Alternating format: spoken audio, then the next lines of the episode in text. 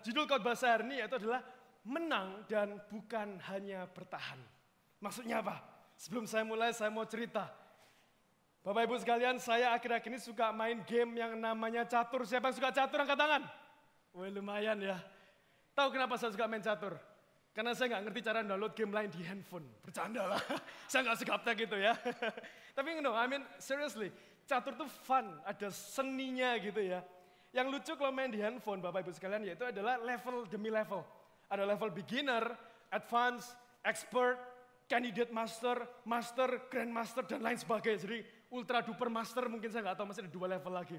Tapi yang mau saya katakan adalah ketika masih level beginner, komputernya itu gampang sekali predictable. Saya pasti tahu caranya untuk menang. Semakin meningkat levelnya semakin sulit. Dan saya kadang harus coba beberapa kali baru saya bisa menang dan jujur sama semua apa adanya. Saya sampai hari ini masih stuck di level Grandmaster Bapak Ibu. Wih, lumayan lah ya. Itu kenapa? Saya akhir-akhir ini main, jujur, bukan untuk menang.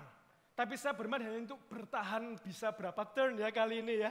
Kali ini saya bisa berapa giliran karena uh, tight banget. Salah dikit gerak, that's it. Checkmate gitu ya. Jadi atau juga pengalaman yang saya pernah alamin ketika saya SMA, wah tim basket kami masuk ke playoff, uh, mantap gitu. Ketemu musuh pertama di ronde playoff tahu apa? Tim basket yang isinya ada tiga pemain kejurnas, satu pemain kejurda. Kita langsung ya udahlah gone kita ya udahlah, ya main aja. Nggak usah menang nggak apa-apa. Yang penting jangan malu-maluin. Yang penting bertahan kalau bisa nggak kalah lebih dari 30 poin seperti itu Bapak Ibu sekalian. So, the thing is itu mungkin rasanya sama seperti timnas-timnas lain waktu tahun 2008 mereka bertemu USA team. Wah, bayangin tuh ketemu LeBron James, Dwayne Wade, Chris Paul, and Kobe Bryant. Bayangin mereka mungkin akan main dan mereka akan halah forget it lah, case lah. Pasti dibantai yang penting jangan jauh-jauh. Tapi nyatanya ada 100 poin lebih Bapak Ibu sekalian.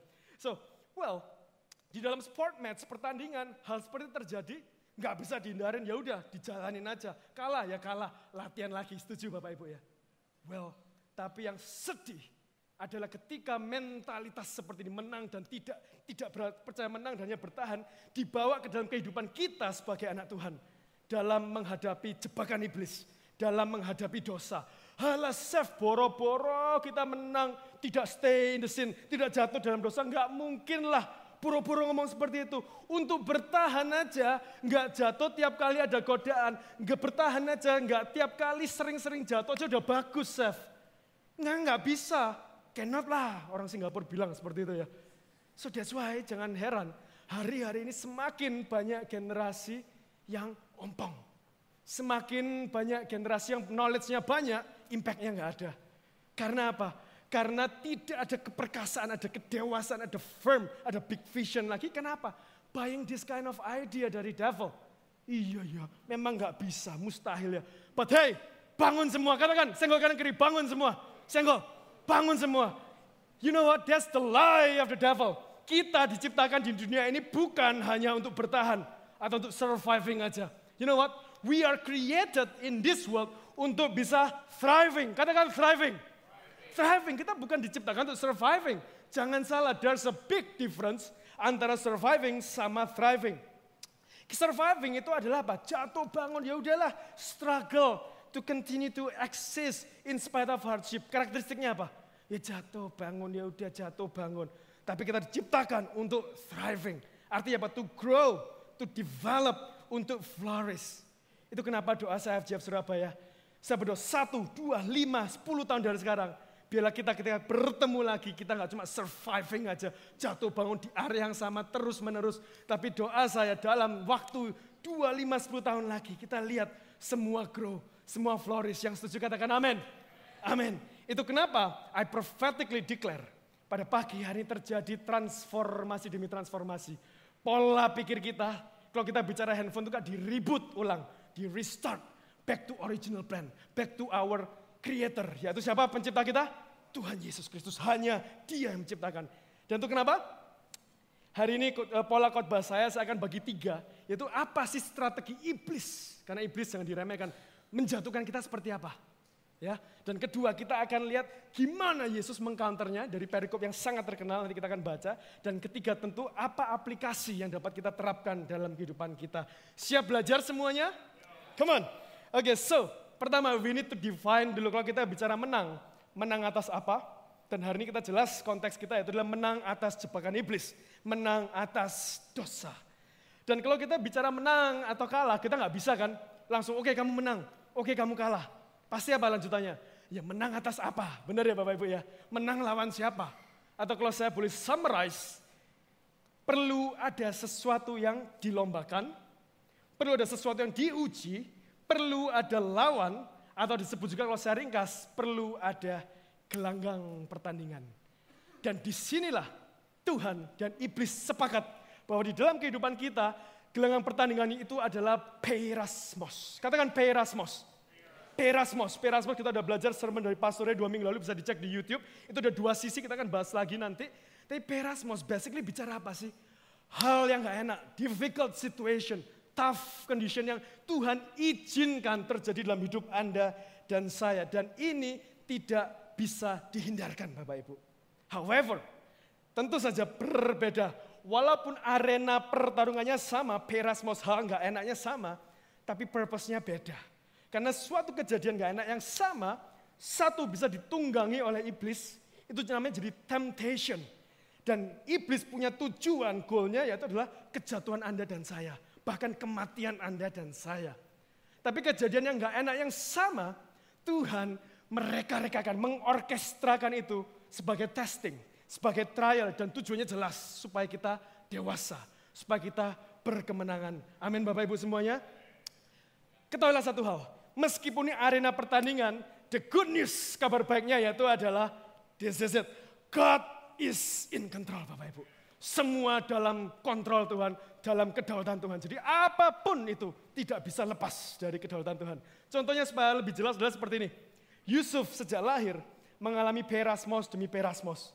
Dia dibenci, dia dijual, dia difitnah, dia dipenjara, dia kemudian dilupakan dan lain sebagainya. Ia alami perasmos demi perasmos dalam hidupnya. Dan di sini kita lihat dua sisi. Iblis kepingin si Yusuf give up oh kamu. Nyerah kamu, mati kamu seperti itu. Tapi hal yang sama, perasmos yang sama Tuhan pakai itu untuk mendewasakan Yusuf. Amin.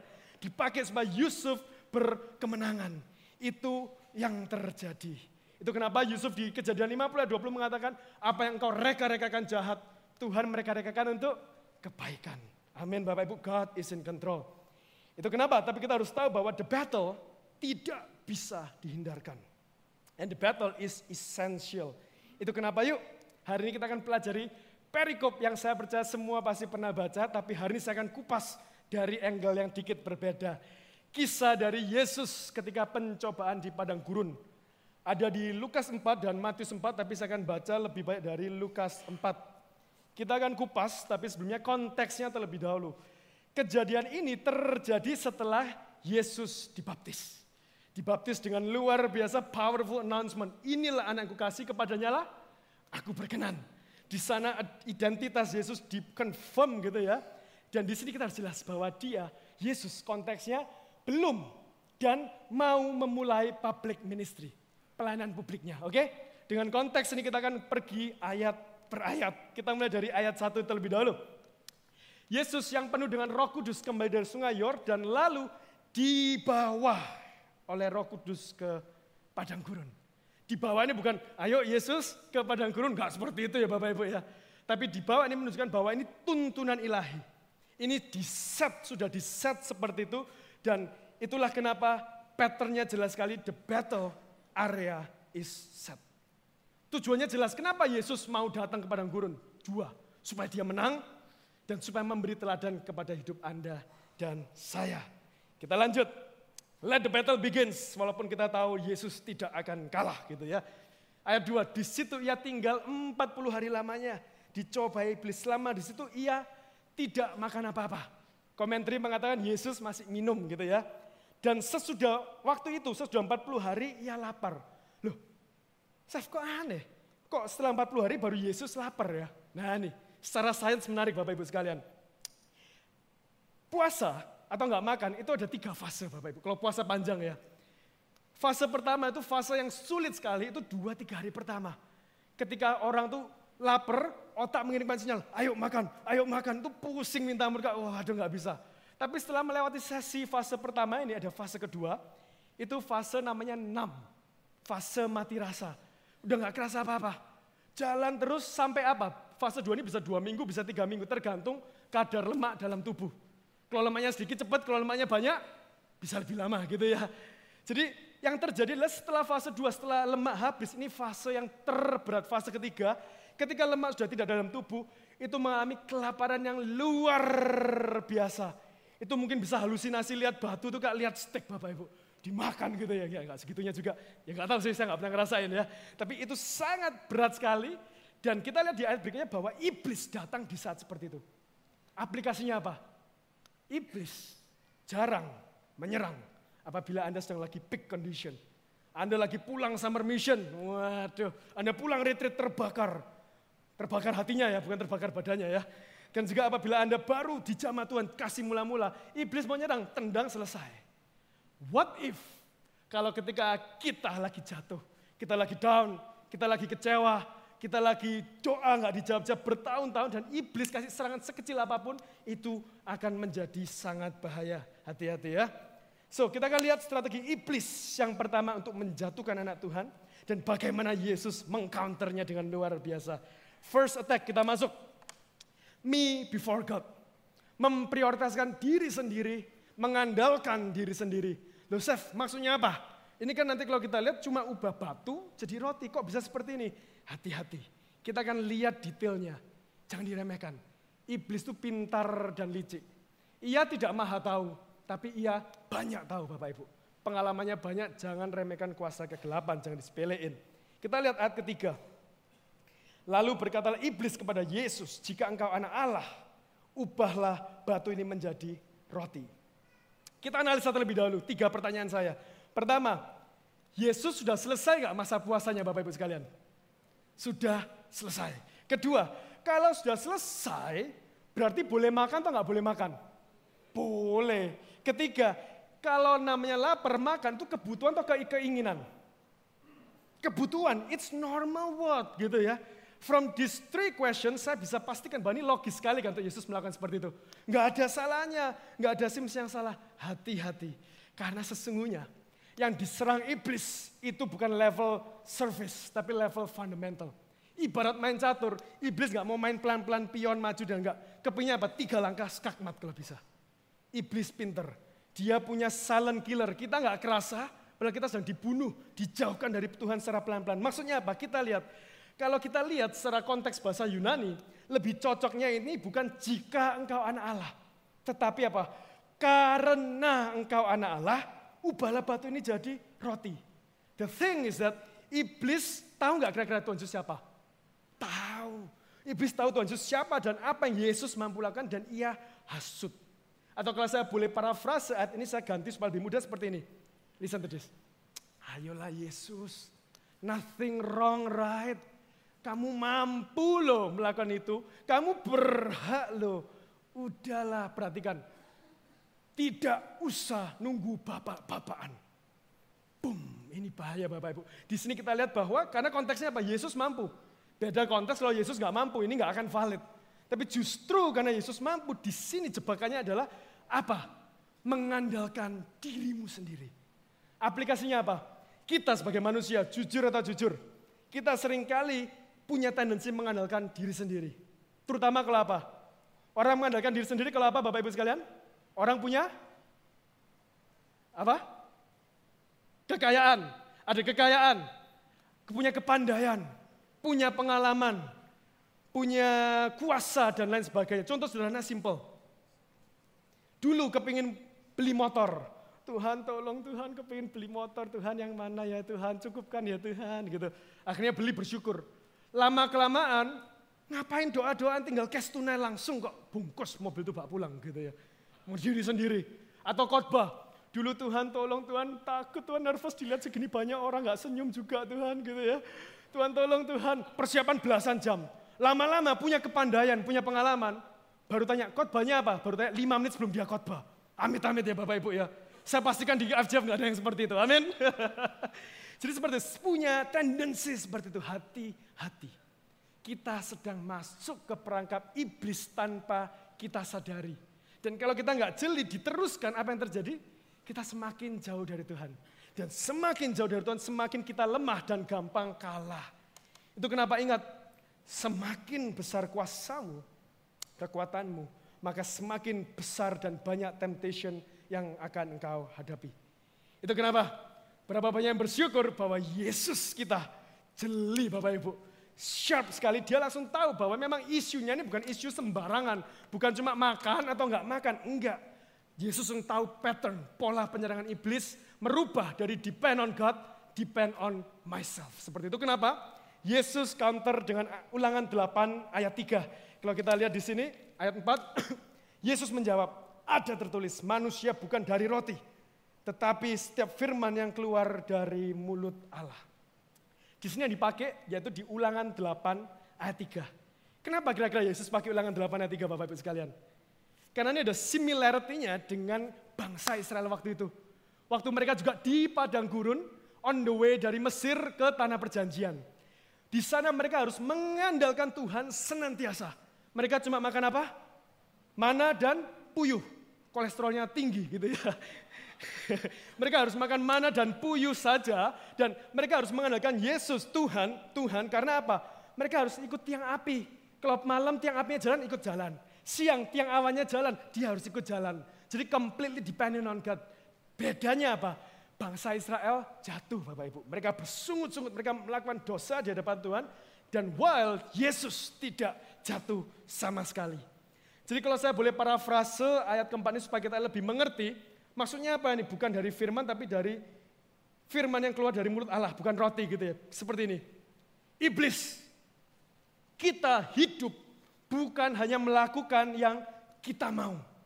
Yang kita bisa yang kita anggap benar. Tetapi hiduplah sesuai dengan apa yang Tuhan katakan dan bersandarlah penuh padanya. Amin Bapak Ibu semua. Kasih tangan, buat Tuhan kita yuk. Itu first counter yang Tuhan kasih tahu untuk kehidupan Anda dan saya secara jelas yaitu ini. Bersandarlah senantiasa dan sepenuhnya. Katakan sepenuhnya. Sepenuhnya kepada Tuhan. Jangan andalkan kekuatan sendiri, kepintaran maupun kekayaan diri sendiri. Karena gini loh, saya percaya setiap dari kehidupan Anda dan saya pasti dibawa Tuhan lebih dan lebih.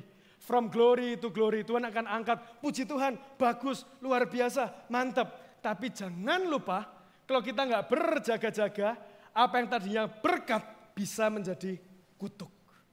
Karena iblis senantiasa tidak suka and they keep coming gitu ya. So jangan sampai itu kenapa saya jadi I'm telling myself seperti ini. Jangan andalkan pemberiannya, tapi andalkan sang pemberinya.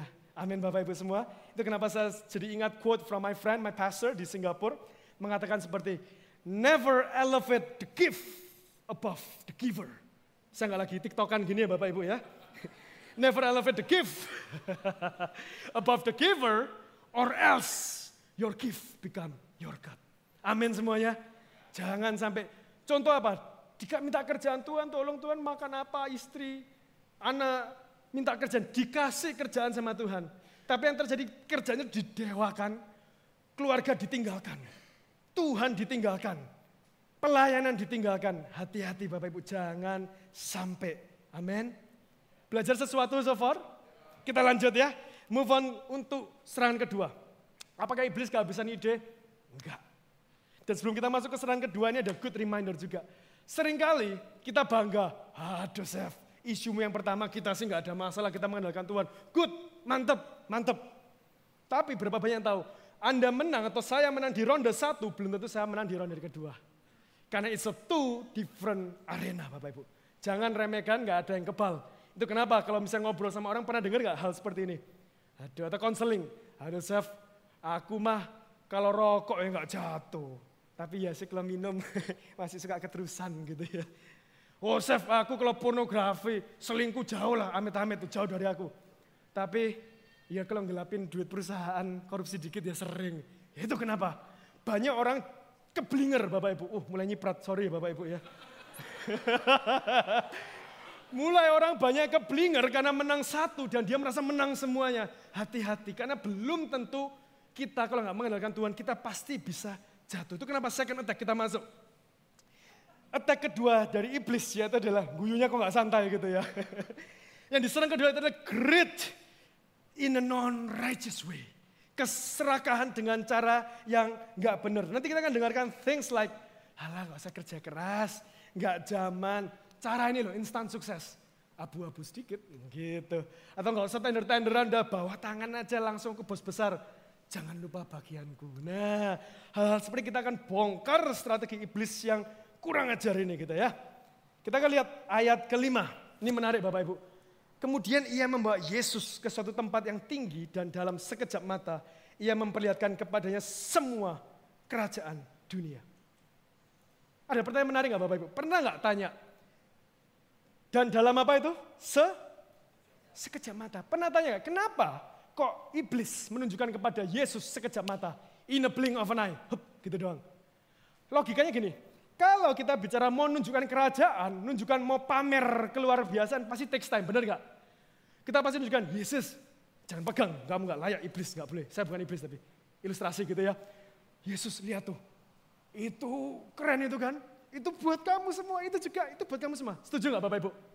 Kalau hal yang keren, hal yang luar biasa pasti takes time, benar ya. Tapi kenapa iblis kok sekejap mata? Ini loh Yesus, hup, langsung berhenti. Kenapa? Dua alasan Bapak Ibu. Satu, karena iblis kepingin cepat-cepat seal the deal sama anak-anak Tuhan. Iblis kepingin cepat-cepat seal the deal supaya Yesus cepat jatuh ke perangkapnya dan kena jeratnya. Atau alasan kedua secara sederhana seperti ini. Kenapa kok sekejap mata? Karena kalau kita ambil waktu, kita take time, kita akan tahu itu kebobrokannya. Kita akan tahu kalau kekuasaannya itu parah, kebohongan dan sebagainya. Contoh seperti ini. Apabila Anda mau beli barang yang mahal, contoh kalau perempuan apa sukanya? Berlian misalnya. Cowok sukanya apa? Jam tangan seperti itu misalnya ya. Kita kalau ke toko mau beli barang mahal pasti apa? Mau lihat dong jamnya. Kalau penjualnya enggak jenuh dia pasti apa?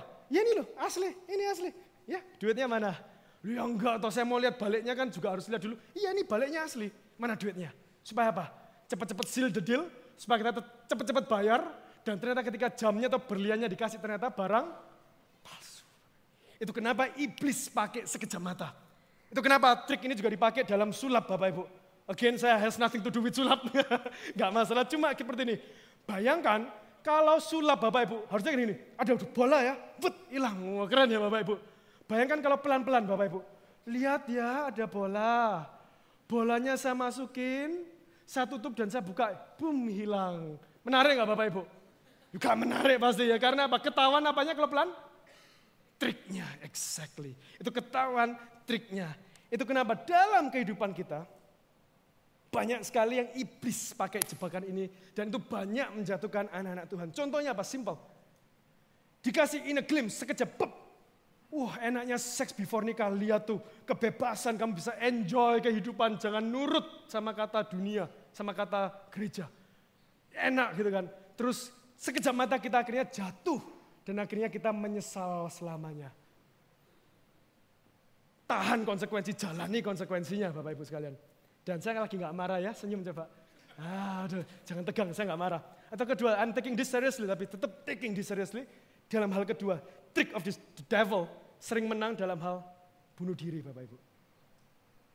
Kita stres, kita depresi, nggak ada jalan, dikasih in a glimpse of an eye, lihat tuh kalau kamu lompat, kalau kamu minum, semua masalah selesai. Kamu nggak perlu soro-soro lagi bayar hutang.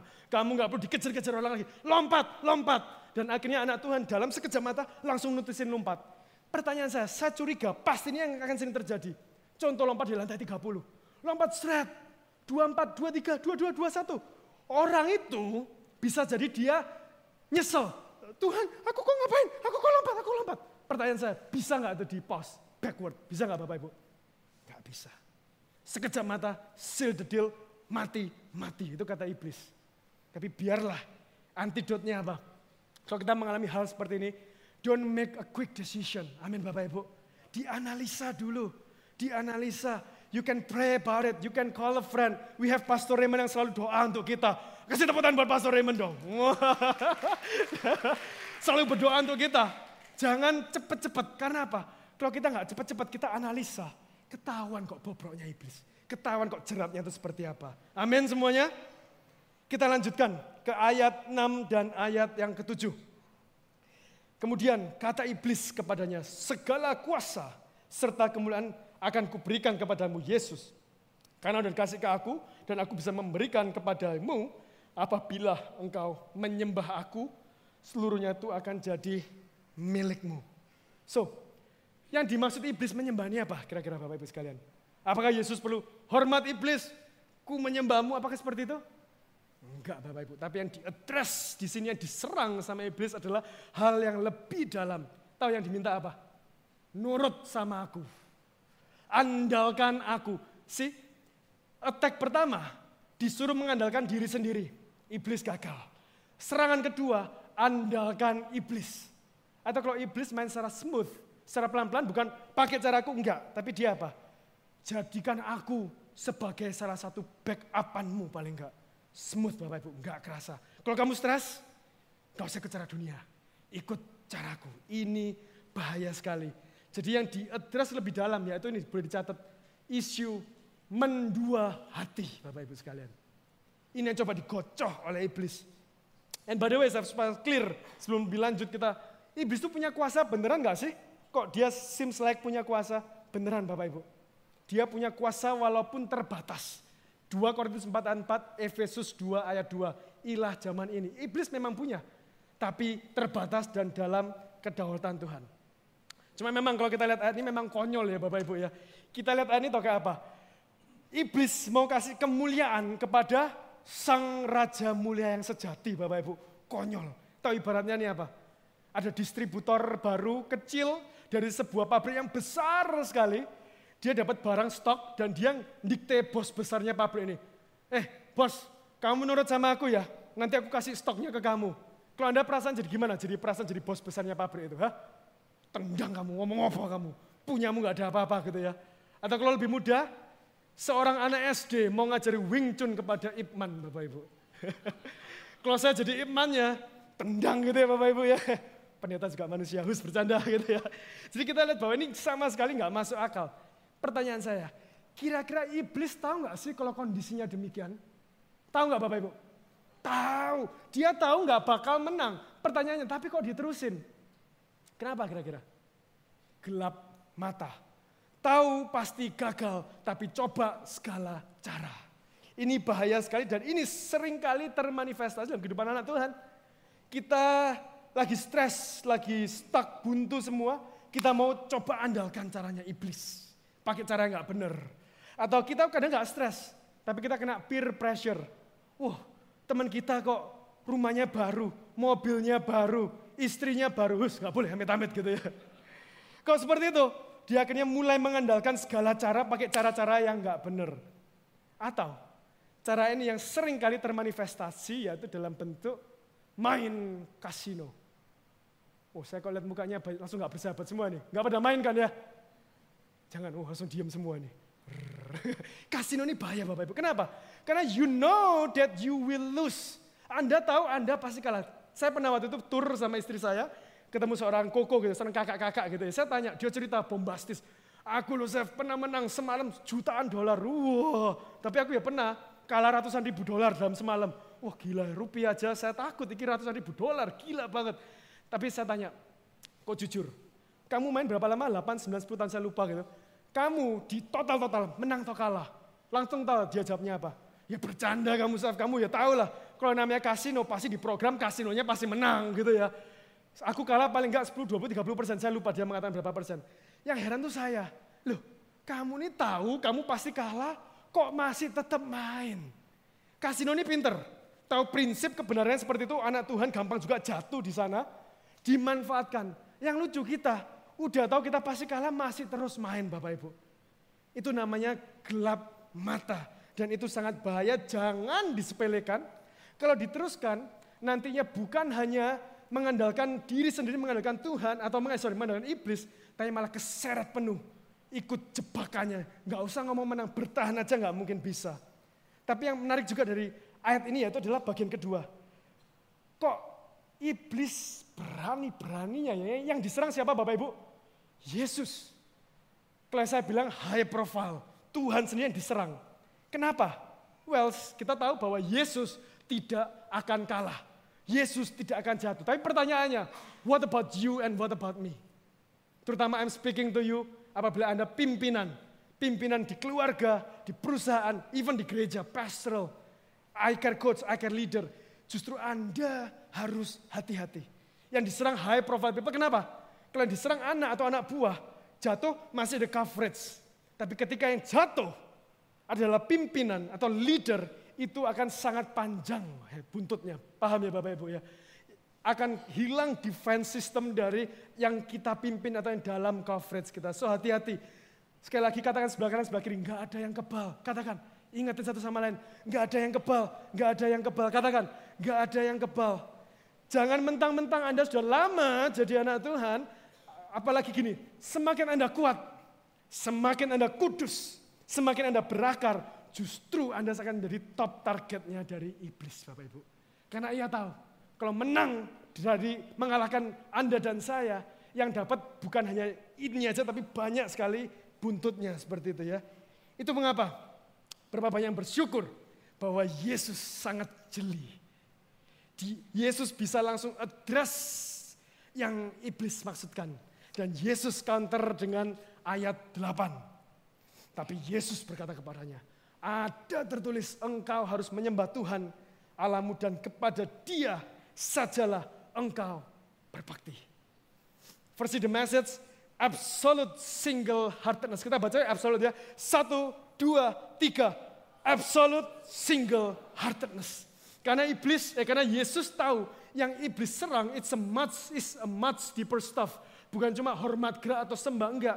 Tapi talking about devotional submission. So second counter supaya kita dapat menang dan tidak hanya bertahan jelas. Kasih, loyalitas mutlak dan tidak mendua. Katakan tidak mendua. Tidak mendua kepada Tuhan. Ini bahaya sekali Bapak Ibu.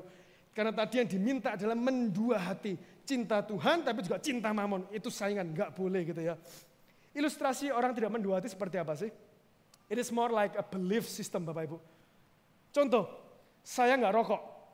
Kalau ditawarin orang rokok, saya nggak akan even consider. Ayo saya rokok. Oh iya dah. Jangan, jangan nggak bagus dosa. Enak tetapi rokok. Nah itu bahaya Bapak Ibu. Itu namanya enggak, itu masih mendua hati Bapak Ibu. Atau kasino, kita bicara kasino. Ayo saya main kasino. Kalau Anda punya belief system tidak mendua hati, itu Anda nggak even consider. Enggak. Flat face saja. No. Coba latihan. No. Bilang no. Mantap, ganteng, ganteng, cantik. no, jelas. Jadi jangan, ayo main kasino. Jangan itu dosa. Tapi kamu menang berapa kemarin? Wah, itu bahaya ya Bapak Ibu ya. Itu mendua hati, jangan. So listen to this. Dalam hal conviction kepada Tuhan, jangan punya option Bapak Ibu. Lumayan ya rhyming ya. Saya mikir semalaman tuh kemarin. Bercanda. Saya ulangin, dalam hal conviction kepada Tuhan, jangan punya option.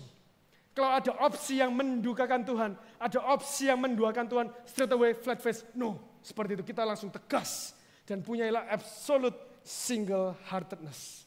Belajar sesuatu so far? Capek semuanya? Lanjut ya satu lagi ya secara cepat. Saya boleh undang pemain musik ke belakang dulu deh ya. Third attack. Apa yang diserang iblis yang ketiga? Kita lihat bahwa iblis mencoba untuk mencobai Bapa dan membelokkan tujuan hidup.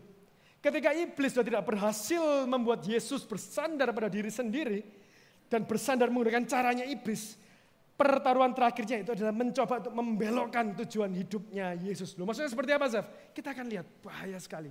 Dalam kehidupan kita juga sama. Bersandar pada Tuhan itu penting. Jangan lupa iblis masih punya jurus terakhir untuk membelokkan tujuan.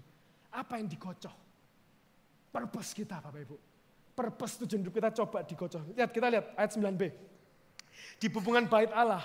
Lalu berkatanya iblis kepada Yesus, jika karena engkau anak Allah, jatuhkanlah dirimu dari sini ke bawah. Sejak kapan gitu loh ya? Kalau anak Allah memang harus lompat, bodoh seperti itu ya. Ups, nakal. Ya, nggak boleh. Oke, sebab sudah tertulis, nah nih advance ya Bapak Ibu. Mengenai engkau, ia akan memerintahkan malaikatnya untuk melindungi dan menatang engkau di atas tangannya supaya kakimu jangan terantuk kepada batu. Kita lihat nggak pattern di sini? Iblis semakin advance. Dia lihat tadi Yesus pakai ayat, dia juga pakai ayat Bapak Ibu sekalian. Ada nggak ayatnya? Ada. Mazmur 91 ayat 11 sampai 12 persis seperti ini. Jadi dipakai. Cuma pertanyaannya adalah, iblis ngutipnya benar atau salah? Out of konteks nggak Bapak Ibu? Out of konteks. Itu kenapa? Kalau cuma pinter nggak hafal sama ngutip Alkitab, kita nggak ada bedanya sama saya nggak bilang loh ya, Anda yang bilang loh ya. anda yang bilang. Tapi the point is that ada satu hal yang iblis tidak bisa tiru. Ngutip bisa, tapi yang bisa membedakan kita dari iblis adalah kita bisa menjadi pelaku firman. Amin semuanya. Kita lihat di sini, yang dicoba diserang oleh iblis adalah jangan sampai kita mencobai Tuhan Bapak Ibu. Kita mengatakan kepada Tuhan, Tuhan kalau engkau sungguh sayang, buktikan. Kasih mujizat Tuhan, jawab doaku. Ini gila sekali Bapak Ibu. Yang terbaik sudah dikasih oleh Tuhan. The gift of salvation. Yesus Kristus sudah dikasih dalam hidup Anda dan saya. Kok masih berani-beraninya kita minta hal-hal yang sepele seperti ini? Tahu bahasanya apa? Meyo limau. Gak apa-apa, saya gak lagi marah. itu gak sopan sama sekali. Tapi well Bapak Ibu, inilah trik yang iblis pakai. Dan kita sering jatuh. Dia mainnya pelan-pelan Bapak Ibu. Tahu gak pentingnya main pelan-pelan seperti apa? Roket Bapak Ibu, science ya roket dari tempat yang sama mau diluncurkan cuma selisih 0,0000001 derajat. Kecil atau gede Bapak Ibu? Kecil sekali, nggak kelihatan. Tapi ketika itu di launch, lama kelamaan akan semakin jauh. Dan jangan kaget kalau si roket ini bisa mendarat di planet yang berbeda. Bermula cuma dari 0,00001 derajat seperti itu Bapak Ibu. Jadi jangan remehkan kompromi kecil. Amin. Karena kalau diteruskan, Jangankan boro-boro menang, keseret habis nanti kitanya. Bahkan kalau kita lihat lebih detail di konteks ayat ini, apa sih yang dibelokkan oleh iblis? Kita tadi tidak tahu. Purpose-nya Yesus. Matius 12, 28 mengatakan apa? Yesus mengatakan bahwa ia datang untuk melayani. Dan bukan untuk dilayani. Kita coba lihat patternnya. Yesus datang melayani dan dia konteksnya adalah sebelum memulai pelayanan. Yang iblis coba lakukan adalah lompatan Yesus nanti kamu akan dilayani oleh malaikat. Sehingga walaupun dia bodoh si iblis ini tahu Yesus gak akan jatuh, tapi dia masih bercoba, mencoba gelap mata tadi itu. Siapa tahu Yesus, oh ya enak ya dilayani malaikat, udahlah gak jadi melayani. Itu yang diharapkan si iblis. Membelokkan purpose. Dan lebih liciknya, dia melakukan ini bahkan sebelum Yesus memulai pelayanannya. Harapannya itu apa? Sehingga dampak, impact yang Yesus buat yang dapat kita rasakan sampai hari ini itu, itu gak akan ada di cancel sendirinya. Tahu aplikasinya apa Bapak Ibu buat kita? Listen to this FGF. Iblis tahu dan ia takut dengan segala potensi yang Anda sudah dikasih oleh Tuhan. Iblis tahu purpose dari Tuhan akan luar biasa dalam hidup Anda dan saya. Dan iblis juga tahu kalau kita sudah melewati proses pendewasaan perasmos demi perasmos, itu akan sangat membahayakan kerajaannya. Itu kenapa Iblis mencoba meninabobokan, menidurkan, membunuh bila perlu dibungkam selamanya. Dengan apa? Dengan drugs, dengan seks, dengan dosa, dengan pergaulan. Dan ia akan coba sebisa mungkin. Contoh sederhana, Adam diciptakan untuk memuliakan Tuhan. Dibelokkan menjadi menyamai Tuhan. Hawa juga biar sama gitu ya. Atau kalau kita lihat, kita diciptakan untuk hidup kudus. Dibelokkan oleh iblis. Hidup happy aja atas nama YOLO seperti itu Bapak Ibu. Tapi apa yang Yesus katakan? Kasih Tuhan buat Tuhan kita. Tuhan kita ini sangat tajam Bapak Ibu. Kasih Tuhan buat Tuhan kita. Di ayat 12, Yesus dengan sharp, dengan tajam, dia langsung tahu. Dan dengan dingin, aprakat langsung habis. Yesus menjawab katanya, ada firman, jangan engkau mencobai Tuhan Allahmu. Counter jelas. Let God alone define your self-worth and purpose in life. Amin Bapak Ibu. Karena kalau banyak bising di dunia, kita akan jadi pusing Bapak Ibu. Banyak sekali kebisingan, oh kamu nggak bisa, oh itu cuma dia, kamu mah biasa. Akhirnya banyak orang divine our life, dan itu malah membunuh kita. Jangan cobai, jangan arahkan ke matamu kepada selain dari Tuhan Yesus. Is that it? Apa kemudian iblis setelah kena tiga counter mematikan langsung, ya udahlah pulang aku give up. Apakah seperti itu Bapak Ibu? No. Ayat 13 kita lihat.